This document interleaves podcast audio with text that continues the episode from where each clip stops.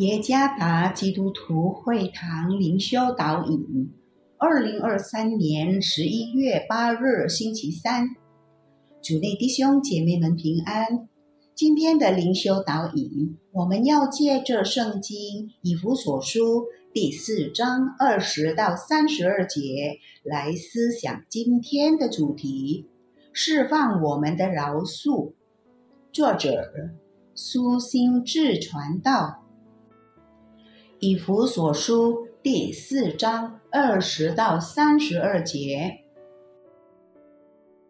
你们学了基督，却不是这样。如果你们听过他的道，领了他的教，学了他的真理，就要脱去你们从前行为上的旧人。这旧人是因私欲的迷惑，渐渐变坏的。又要将你们的心智改换一新，并且穿上新人。这新人是照着神的形象造的，有真理的仁义和圣洁。所以你们要弃绝谎言，个人与邻舍说实话，因为我们是互相为肢体。生气却不要犯罪，不可含怒到日落。也不可给魔鬼留地步。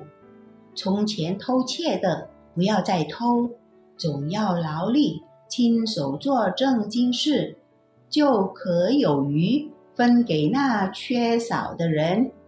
污秽的言语一句不可出口，只要随时说造就人的好话，叫听见的人得益处。不要叫神的圣灵担忧，你们原是受了他的印记，等候得赎的日子来到。一切苦毒、恼恨、愤怒、嚷闹、毁谤，并一切的恶毒或作阴毒，都当从你们中间除掉，并要以恩慈相待，存怜悯的心。彼此饶恕，正如神在基督里饶恕了你们一样。那天中午，当我接周塞放学时，我看到他阴沉的脸。也许班上发生了一些让他心烦意乱的事情。上车后，我开始问他到底发生了什么事情。他以尖锐的声音回答说。我不想再和三豆做朋友了。三豆是他班上的朋友之一，不是真名。我好奇地问道：“怎么了？三豆对 Jose 做了什么呢？”他快速回答说：“刚才三豆在教室推我，使我跌倒，因此我不想再和三豆做朋友了。”语气越来越气愤。我没有再追问我的儿子，我让他面对自己的情绪。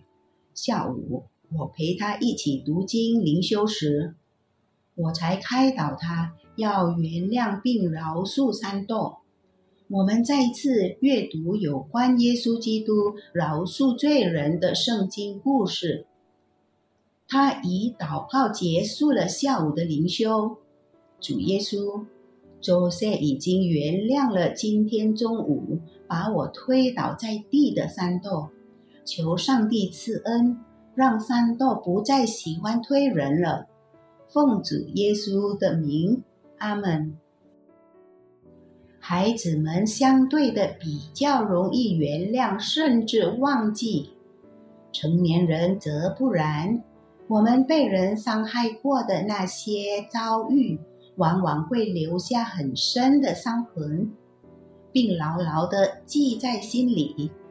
我们轻易被挑拨而去报复他们的恶行。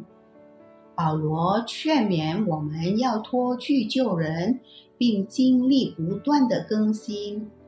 我们不再随着情欲、愤怒、嚷闹，并要以恩慈相待，存怜悯的心。彼此饶恕，正如上帝在基督里饶恕了我们一样。印记我们的圣灵可以帮助我们成长，更加认识基督，这样我们就可以按照神的旨意，在真理和圣洁中生活。你是否仍然存留因为别人的行为而有的伤痛？